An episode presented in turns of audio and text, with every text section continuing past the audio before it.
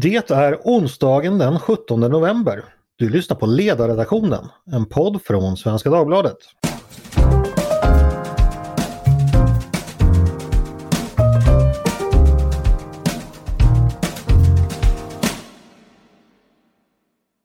Så stod det nya politiska blocket där i Aktuellt-studion och kunde berätta om sin gemensamma budget. Moderaterna och Kristdemokraterna har nu alltså gått ihop med Sverigedemokraterna. Det här är förstås historiskt, det är efterlängtat av en del, fruktat av andra. Men nu är vi i alla fall här och i dagens avsnitt ska vi förstås diskutera detta historiska skeende. Jag heter Andreas Eriksson och med mig för att diskutera denna händelse har jag tre gäster. Den första han heter Jakob Lundberg och är chefsekonom på den marknadsliberala tankesmedjan Timbro. Hej Jakob! Hej hej, kul att vara med! Ja, du är varmt välkommen! Jag har också med mig eh, Reka Tolnaj, eh, förbundsordförande för Centerpartiets ungdomsförbund SUF. Välkommen Reka! Tack! Och min högst varierade kollega på redaktionen Mattias Svensson. Välkommen du också! Det är alltid lika roligt att vara här. Vad bra! Eh, hörni, vi ska snart prata politikens innehåll. Jag tänkte bara vi ska börja först lite att ta oss an formen. Det här är första gången någon samarbetar med Sverigedemokraterna om något så viktigt som en budget. Eh, Mattias, vad betyder det här? Ja, det betyder att eh, det som var en eh, fruktansvärd anklagelse eh, 2018, både före och, och under förhandlingarna efter valet, eh, nu är ett eh, politiskt faktum. Så fort kan det gå. Eh, och å andra sidan att vi har ett resultat som ska ställas mot eh, den eh, retorik och de förväntningar som eh, från socialdemokratiskt håll mm. riktats mot den här typen av samarbete. Just det. Reka, är du förvånad över att de här tre partierna redan nu, ett år före valet knappt, går och skriver ihop sig om en gemensam budgetreservation? Ja, men det skulle jag säga. Man har ju pratat om ett samarbete länge, men under, under de här senaste veckorna har man ju också varit oense om väldigt mycket, i alla fall utåt. Och jag förväntade mig faktiskt inte att Sverigedemokraterna skulle stå med på den här reservationen. Jag trodde det skulle vara en MKDL-budget som sen stöds av Sverigedemokraterna, inte att man faktiskt skrev det här tillsammans. Jakob, eh, har du några tankar det här med att man väl har eh, landat i en gemensamt förslag eh, redan nu? Kom det som en överraskning för dig? Nej, man, man, kan diskutera hur man skulle göra det exakt, men det var väl väntat att man förr eller senare skulle närma sig varandra och avdramatisera den här frågan om, om samarbete med SD. Jag, jag tillhörde den här gammaldags utrotningshotade typen som ogillar SD på grund av deras invandringspolitik. Men den invandringen är ju lite, den är ju lite överspelad så att säga sedan ett par år tillbaka när fler och fler har anpassat sig till det. Så, så för min del är det inte så dramatiskt att, att man eh, samarbetar med SD när det gäller eh, frågor där man är överens, så, som den ekonomiska politiken till, till stora delar. Mm. Vi ska prata just om den politiken. Eh, än så länge är det i alla fall för mig lite diffust exakt hur budgeten ser ut. Det kommer väl diskuteras i finansutskottet just nu. Det har kommit ett pressmeddelande. Jag har, in, jag har frågat om man kan få lite ytterligare material. Jag har inte fått något svar. Så vi får utgå från pressmeddelandet och i det handlar det om då eh, satsningar eller avvikelser från eh, regeringens budget på någonstans, om jag räknar rätt, drygt 15 miljarder kronor. Eh, och den absolut stora kakan det handlar då om skattesänkningar. 8 miljarder sammanlagt under 2022 till de som jobbar. Drygt 4 miljarder skattesänkningar till pensionärer. Jakob, jag gissar att den marknadsliberala tankesmedjan Timbro gillar skattesänkningar. Är det bra det här? Ja, det är väl steg i rätt riktning, men då tycker jag att man kunde ha tagit i lite mer. Alltså om man utgår från, från regeringens budget, så för det första är det en väldigt expansiv budget med 75 miljarder i ofinansierade satsningar. Det är mycket större än det reformutrymme som Konjunkturinstitutet har pekat ut. Och av de här 75 miljarderna la man då 62 på ökade utgifter och 13 på sänkta skatter. Eh, och det här förslaget och inte heller någon av oppositionens skuggbudgetar ändrar ju på det förhållandet i någon större grad. Eh, ja, det, är bra om man har ett lite större jobbskattavdrag men, men överlag så handlar det om att utöka de statliga utgifterna på olika sätt och sen så har man lite olika, ja det här förslaget är det lite mer till polisen och så vidare. Och så har vi mm. inte sett hela förslaget heller vad det är för neddragningar man gör. I värsta fall så är det ofinansierade satsningar. Ja, det, mm. det har jag inte sett något om i och för sig men man får hoppas att de har, att de har finansierat de här förslagen. Och ja, jag tycker jobbskatteavdrag är väl bra men man kunde väl ha tänkt något steg längre, tänkt på marginalskatterna till exempel, höja brytpunkten för, för statlig inkomstskatt som Liberalerna hade i sitt eh, budgetförslag och även Kristdemokraterna hade en liten höjning. Att färre ska behöva betala de här väldigt höga marginalskatterna. Och även eh, kapitalskatter kunde man titta på bolagsskatt. Just det. Eh, jag tänkte vända mig till dig Reka. Centern är då förstås inte med här utan förhandlar budget med regeringen som det kanske verkar. Hur tänker du det vi vet om budgeten hittills från, från högerhåll? Eh, hur långt borta från Centerns politik ligger den skulle du säga? Det är ju svårt att säga utan att ha läst den eh, noggrant. Vi har ju också bara fått den informationen som du har fått i, i vissa pressmeddelanden och där har det ju absolut varit mycket skattesänkningar vilket är positivt. Vi, Centerpartiet är ju partiet som mest vill sänka skatten av alla riksdagspartier i dagsläget. Men det innehåller också en hel del dåliga förslag, inte minst på migrationsfronten. Bland annat det här med höjd eh, tak eller inkomstgolv för arbetskraftsinvandring. Det här som Sverigedemokraterna skryter väldigt mycket med om att ha eh, Europas stramaste migrationspolitik går ju absolut inte i linje med Centerpartiets politik.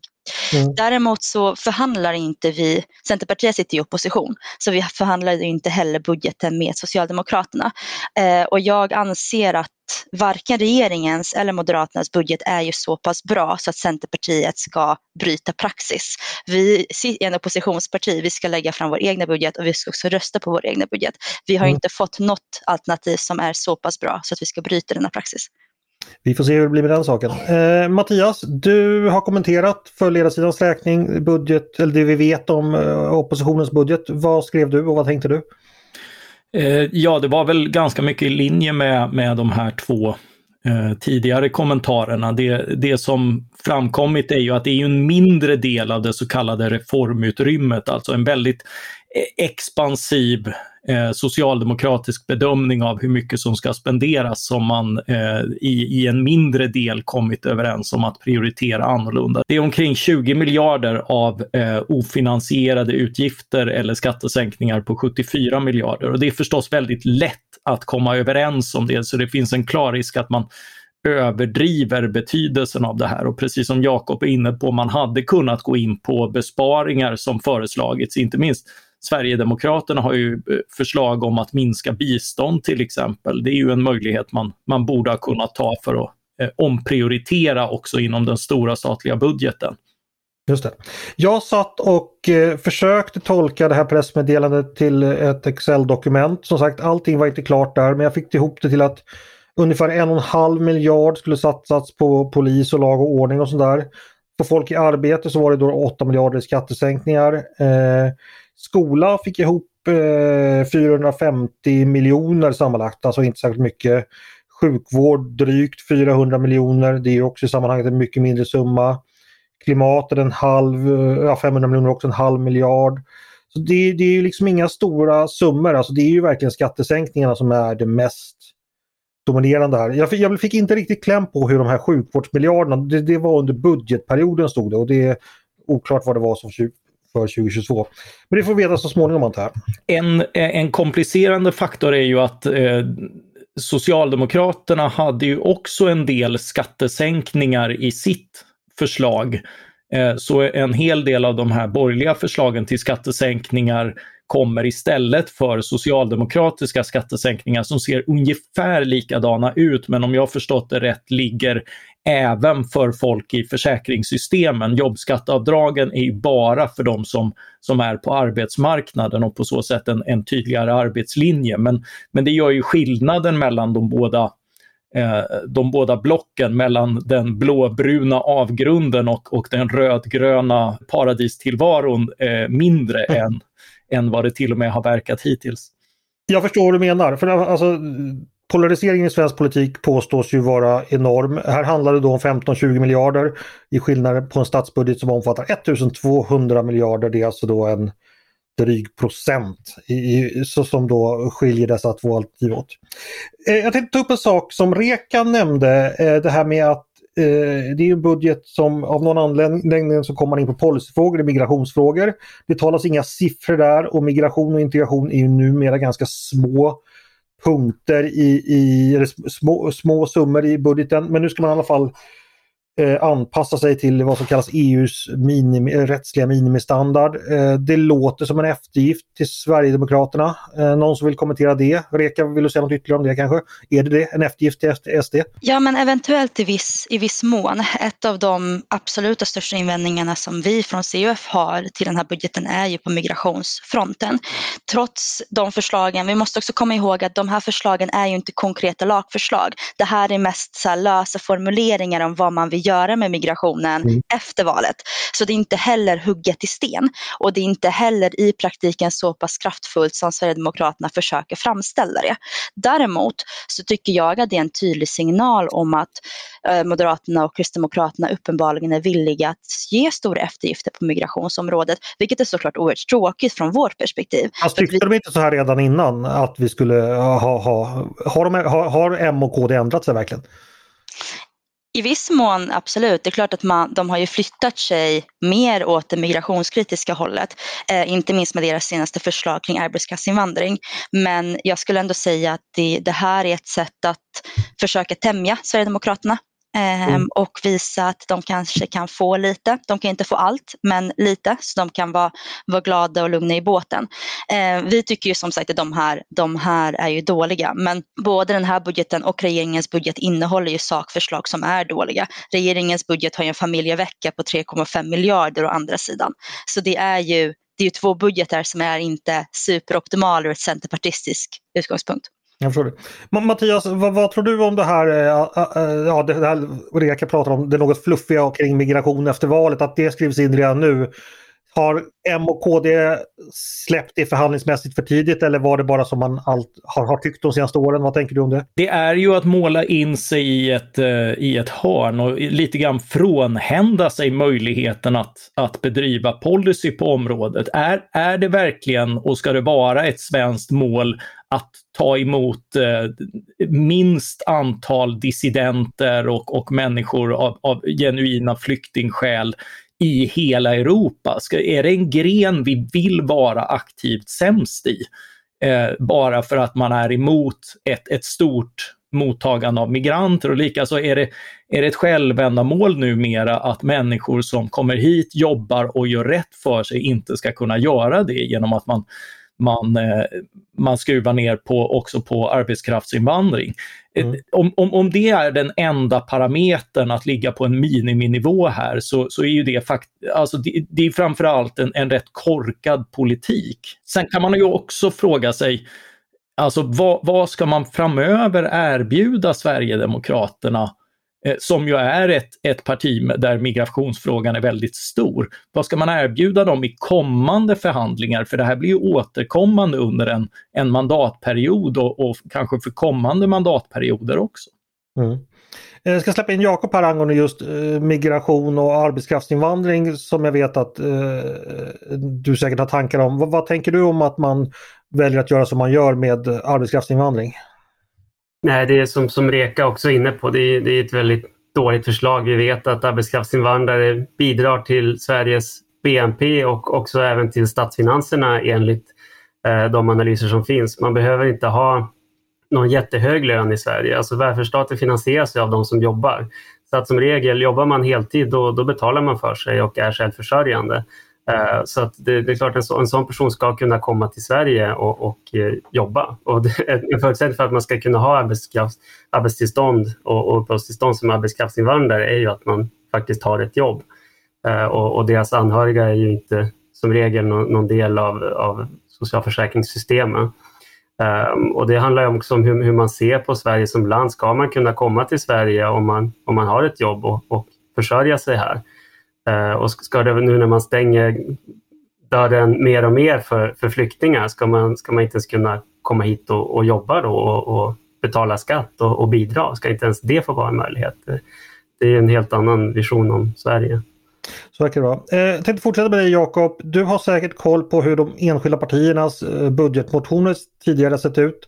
Vad skulle du säga det vi vet, det man har landat om tillsammans? Vem har dragit längsta strået av de här tre partierna när man väl presenterar en gemensam budget? Ja, det är väl svårt att säga. Det var ju ganska mycket gemensamt också. Det är som, som, som Mattias var inne på tidigare, det här jobbskatteavdraget har ju alla de här partierna haft någon sorts eh, variant av. Eh, nu vet vi inte exakt hur, vilken utformning det här jobbskatteavdraget kommer ha, den här förstärkningen av jobbskatteavdraget. Så det, det, är väl någon sorts minsta gemensamma nämnare här.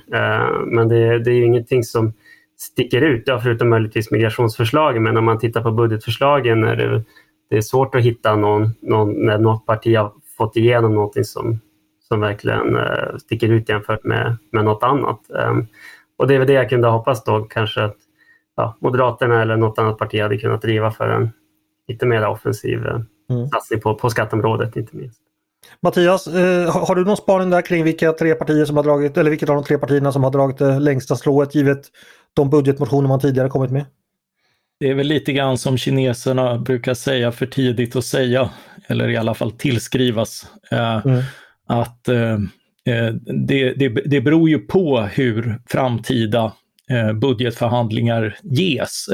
Sålde man ut eh, möjligheter till avvägningar på migrationsområdet för att eh, kunna genomföra ett något större jobbskatteavdrag som en väldigt liten del i, i en, eh, en stor budget, eh, så är, så är ju det Sverigedemokraternas vinst. Men å andra sidan om eh, om man etablerar samarbetssättet och ambitionen och profilen att, att sänka skatter och satsa på kärnverksamhet som budgetmässig praxis och har Sverigedemokraterna med sig och ett parlamentariskt stöd för det så är det såklart en, en eh, stor vinst för möjligheterna att bedriva borgerlig politik i Sverige. Mm. Reka, jag tänkte det finns en punkt här i, i eh, budget, eller det, det, det, vi har sett av förslaget som handlar om landsbygd. Det handlar då om sänkt skatt på drivmedel och att man säger nej till skogsutredningens förslag. Låter som någonting som är tänkt för att locka centerväljare. Kommer det göra det? Jag har väldigt svårt att se att sänkt bensinskatt skulle locka centerväljare. Eh, hela, vår, hela Centerpartiets vision och hela vår ideologi handlar om att vi måste ge möjligheter och verktyg för landsbygden att kunna vara med på den här gröna omställningen. Att då sänka skatten på ett drivmedel som faktiskt släpper ut är någonting som är väldigt fel och konstig väg att gå. Vi prioriterar i vår egna budgetmotion utveckling av landsbygden, smäller upp fler eh, laddstolpar, se till att, att elen faktiskt finns i hela, i hela landet, inte just sänka skatten för enskilda drivmedel. Och när det kommer till skogen så är det såklart glädjande eh, när det är flera partier som värnar om, om äganderätten. Däremot så kan det också göras på betydligt, betydligt bättre sätt än de som är, är föreslagna. Mm. Eh, jag tänkte fortsätta med dig Reka och just Centern. Eh, det som Mattias sa inledningsvis gäller ju att nu finns det ju ett konkret förslag från höger som kommer då ställas mot regeringens förslag. Det är inte längre liksom prat om diffusa visioner om huruvida det blir 30-tal eller inte utan det finns två budgetförslag som kommer resultera i två olika typer av helt enkelt ja, skattekvoter, två olika typer av bidrag och politik och sådär.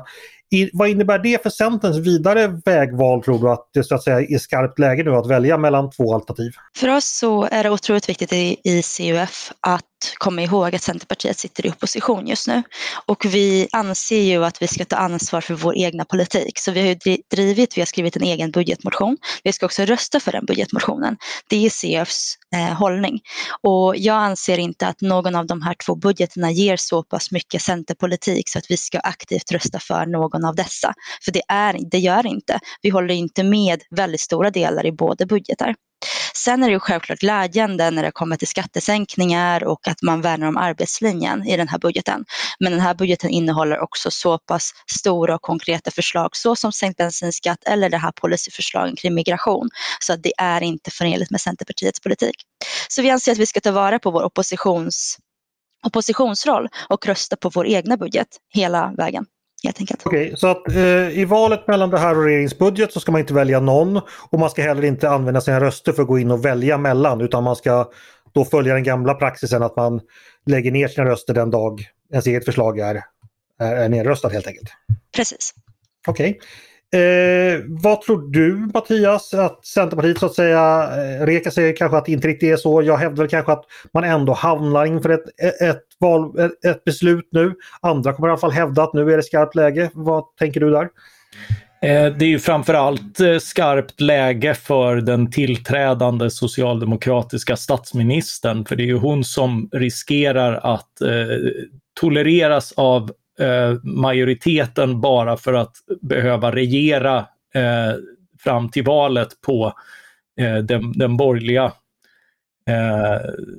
ekonomiska politiken. Mm. Och, och, så har förvisso så inleddes Stefan Löfvens period med, med när Sverigedemokraterna beslöt sig för att rita om den politiska kartan och rösta på det borgerliga ekonomiska alternativet. Så de har ju gjort det förut och eh, riskerar eh, att göra det igen. Men det är klart att det är ju inte, det är inte någon drömstart för Magdalena Andersson och det visar ju hur, hur svagt parlamentariskt stöd som, som finns. Eh, men mm. man ska förstås inte utesluta att, att, att just den här desperata situationen eh, leder till inviter och förhandlingar igen eh, där, där man försöker kurtisera Vänster och Centerpartiet till ett, eh, ett gemensamt stöd. Så, så att, att det är Socialdemokraternas och regeringens eh, där sitter ju trots allt även Miljöpartiet, även om ingen bryr sig om dem längre.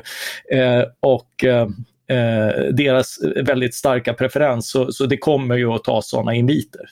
Vi ska bara kort eh, påminna om matematiken då. De här tre partierna som har lagt det här gemensamma förslaget har då 154 mandat. Eh, regeringen skulle tillsammans då med Vänsterpartiet samla 143 mandat och alltså vara mindre. Men om då Centerpartiet ansluter sig tillsammans med Vänsterpartiet då skulle man alltså bli större än högeroppositionen.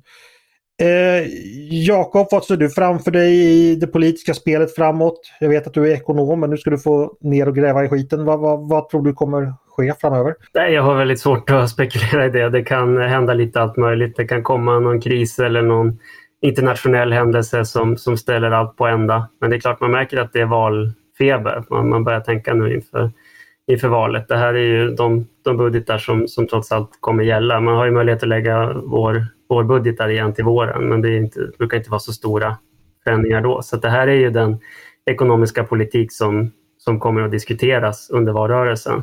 Mm. Eh, om jag bara får kommentera det här med, med bensinskatten också så håller jag med Reka om, vi, vi från Timrå har ju också varit ute och varit, varit kritiska till att man väljer att prioritera just den sänkningen. Och, och, det gäller ju särskilt då från, från Kristdemokraternas och Moderaternas sida som ju har skrivit under miljömålsberedningen. Sverigedemokraterna står utanför det, men de har skrivit under målet om att Sverige ska minska utsläppen med 85 procent till 2045. Eh, och det, det, bästa, om man då vill minska utsläppen inom Sveriges gränser, så det bästa sättet att göra det är att sätta ett pris på utsläpp, framförallt genom bensin och, och dieselskatt. Då. Så risken när man eh, sänker bensinskatten är att man istället då måste använda andra mycket mer ineffektiva metoder. Att man måste subventionera fram den här omställningen som vi vet från Riksrevisionen och, och Konjunkturinstitutet och andra. Det är, det är, ineffektivt att använda subventioner på det sättet. Och då måste man höja andra skatter för att finansiera de subventionerna. Eh, så, så det vi har föreslagit är istället att man sänker elskatten. Eh, det är väldigt aktuellt nu med, med höga elpriser, på, på, inte minst i södra Sverige. Eh, det är, en, det är en dålig skatt. Det spelar ingen roll för, för miljön och vi vet också att det drabbar glesbygden mest de kommuner där man betalar mest elskatt det är Arjeplog och Arvidsjaur och sånt där och minst i Solna och Sundbyberg. Där det har på. Som vi sa tidigare, eh, skillnaden mellan eh, högeroppositionen och regeringens budget då det är någonstans runt eh, 1. Det är kanske inte jättevisionärt när det gäller Sveriges framtid. Jag ställer frågan till er istället som kanske kan vara lite mer visionära. Jakob har varit inne på det lite men ni får gärna utveckla. Hur skulle ni vilja att budgeten skulle, att statens budget skulle se ut nu om ni i bara korta drag, vad, vad bör det satsas på, vad bör det satsas mindre på? Och ni fick bestämma. Reka, vad tänker du? Jag tycker ju att en av de absolut viktigaste sakerna som vi måste satsa på det är ju att få ut människor i arbete. Eh, och att faktiskt se till att vi bedriver en integrationspolitik som fungerar och att vi lägger resurser där de behöver läggas och gör reformer där de också behöver göras just för att få ut människor, även utlandsfödda, i arbete. Inte minst efter pandemin. För det, är, det ser jag som en otroligt stor risk att Sverige inte kommer kunna ta tag i ifall man inte gör kraftiga reformer på just arbetsmarknadssidan. Och vad tänker du för reformer då, mer konkret? Ja, allt ifrån att fortsätta reformeringen av LAS, se till att vi förstärker nystartsjobben, eh, sänka skatten, vilket i och för sig Moderaterna gör, men också fortsätta sänka arbetsgivaravgifterna, eh, se till att vi tar bort dem för långtidsarbetslösa, se till att vi tar bort dem från utlandsfödda, utöka etableringsjobben och, och sådana former av reformer som, som kostar pengar men som är nödvändiga att göra. För att om vi är kvar med den här arbetslöshetsskulden så tror jag det kommer bli svårare och svårare att gräva sig ur det desto längre tiden går. Ja, min vision för det här årsbudgeten är att det ska vara en återställare. Vi ska ställa om Sverige, vi ska komma tillbaka från pandemin och allting som pandemin har inneburit. Och det gäller inte luddiga policyförslag kring migration eller att sänka bensinskatten. Det kräver faktiskt lite mer mod och lite mer kraft. Okej, okay. eh, Jakob, kan du visa mod och kraft här? Eh, vad, vad vill du se? Om du får ja. det är lätt att visa mod och kraft när man sitter på en, en tankesmedja och inte har någonting att säga till. Uh, nej, men det, som, som jag var inne på tidigare, jag håller med Reka också om, om att få in folk i jobb och marginalskatterna. Sverige har världens tredje högsta marginalskatter på, på höga inkomster. Vi vet att det, det gör det mindre lönsamt att vidareutbilda sig och så vidare. Och när det kommer till kapitalskatterna, ett förslag som, som fanns i, i de flesta av, av skuggbudgetarna från, från Moderaterna och, och även Sverigedemokraterna tror jag, var ju sänkt skatt på ISK, investeringssparkonton. Mm. Och vad jag har sett så finns det inte med i det här förslaget. Uh, och det är lite ja, märkligt. Uh, att det har varit en, en, stor diskussion om ISK. Det har blivit lite av en, en folkrörelse där flera och flera upptäckt att man kan investera i aktier på ett sätt som är enkelt och smidigt och man kan köpa och sälja utan skattekonsekvenser i och med att det är schablonbeskattat snarare än som det var förr när man var tvungen att hålla koll på hur mycket man hade köpt aktien för och så vidare. Man ska komma ihåg hur, hur besvärligt det var förr i tiden när man var tvungen att redovisa enskilda aktieaffärer. Så att eh, ISK skulle jag efterlysa och även generellt kapitalskatter och, och bolagsskatt att göra det mer lönsamt att spara och investera. Mm. Mattias, slutligen, om du får eh, skriva din egen statsbudget här och nu, vad eh, vill du ha med? Det är väldigt mycket som inte går att förändra från ett år till nästa, men, men som just därför är, är eh, nödvändigt att, att, att förhandla om och lägga upp på bordet. Och där har ju vi som opinionsbildare en roll, inte minst alltså vad ska täckas av välfärdsstaten? Därför att vi har en väldigt, eh, just, just familjeveckan är på ett sätt illustrativt för att, att politikerna är kvar i den här föreställningen om att det går att lova mer och mer av eh, offentlig konsumtion. Men tittar vi på den demografiska utvecklingen framöver och tittar vi på på utvecklingen i, i världen så är det ju snarare det som väntar att det blir svårare och svårare att uppfylla kärnuppdragen och där ser vi redan, det, det är polisbrist, det är lärarbrist, det är vårdpersonalbrist som kommer att kräva högre löner. Det kommer att kosta mer och mer att, att, att tillhandahålla vad man redan har lovat. Och det borde vara huvudprioriteringen inklusive att man börjar om, eh, omförhandla. Vad är viktigast att staten garanterar och, och vad skulle kunna skötas eh, privat eller till mindre offentliga kostnader. Eh, och och det, det är det stora området och det kan inte göras från, från ett område till nästa utan behöver göras i ett antal välutredda reformer där, där människor vet vad de har att förhålla sig till. Typ, typ som man gjorde med pensionsreformen och, och andra liknande saker när, när man eh, gjorde om systemen så att de faktiskt kunde lova eh, in, inte lovade mer än de kan hålla, vilket förvisso skapar missnöje men ju ändå någonstans är en, en trygghet jämfört med alternativet. Att politikerna i varje val lovar guld och gröna skogar och sen får du köer och bristsystem mm. överallt och skenande inflation, vilket är lite grann den situationen vi är på väg in i nu. Just det. Inflationen ska vi tala om i en kommande podd tänkte jag. Då får Jakob komma tillbaka. Hörni, eh, stort tack för att ni ville vara med och prata med mig idag. Tack Jakob! Tack så mycket! Tack Reka! Tack!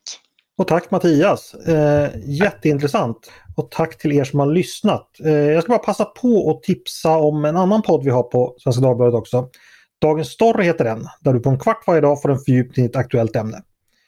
Eh, men det ni lyssnar på nu, det heter Ledarredaktionen eh, podd från Svenska Dagbladet då förstås. Varmt välkomna att höra av er till redaktionen med tankar och synpunkter på det vi har diskuterat. eller om ni har idéer och förslag på saker vi ska ta upp i framtiden. Bara att mejla ledarsidan snabla svd.se. Jag sitter redo och väntar på att ta emot era förslag. Stort tack för idag! Eh, dagens producent han heter Jesper Sandström. Själv heter jag Andreas Eriksson och jag hoppas att vi hörs igen snart.